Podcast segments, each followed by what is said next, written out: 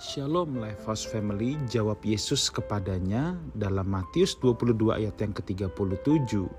Kasihilah Tuhan Allahmu dengan segenap hatimu dan dengan segenap jiwamu dan dengan segenap akal budimu. Saudaraku, saya sangat suka dengan ayat ini. Mengasihi Tuhan itu harus paket komplit, saudara ya.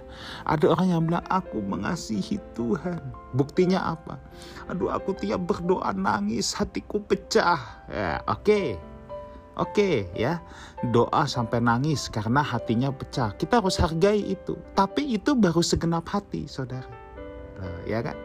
Itu baru segenap hati. Nah sekarang bagaimana dengan segenap jiwa? Nah, segenap jiwa ini meliputi segenap kekuatan kita juga. Jiwa itu pikiran, perasaan, kehendak, semua di situ sampai kekuatan kita. Artinya, apakah kita mengasihi Tuhan dengan semua sumber daya kita? Pikiran kita bagaimana untuk memajukan pekerjaan Tuhan? Ya. Materi yang Tuhan titipkan kita pikirkan bagaimana untuk memajukan pekerjaan Tuhan Nah, ini semua segenap jiwa. Jadi tidak cukup cuma nangis ketika doa, hati pecah. Itu baru segenap hati. Tapi apakah dengan segenap jiwa kita juga? Artinya segala sumber daya kita. Sumber daya itu ya saudara. Menyangkut apa pun dalam hidup kita. Itu kekuatan kita. Nah kita mengasihi Tuhan dengan semua kalau saya katakan di sini sumber daya juga berarti dengan semua talenta yang Tuhan berikan kepada kita, Tuhan titipkan kepada kita. Lalu juga dengan segenap akal budi. Nah, pikiran semuanya berjalan. Ada orang yang bilang, yang penting hati, yang penting hati. Waduh, ikut Tuhan jangan pakai pikiran lah. Gimana nggak pakai pikiran, saudara? Pikiran juga Tuhan yang kasih kok. Ya, pikiran itu juga Tuhan yang kasih. Orang-orang Pentakosta dulu tuh suka banget bilang gitu. Udah jangan pakai logika. Nggak bisa Tuhan. Logika kita pun harus untuk mengasihi Tuhan. Yang salah itu kalau logika kita logika dunia. Harusnya logika kita adalah logika rohani kan. Pikiran Kristus. Gimana supaya punya logika rohani? Ya belajar kebenaran firman Tuhan.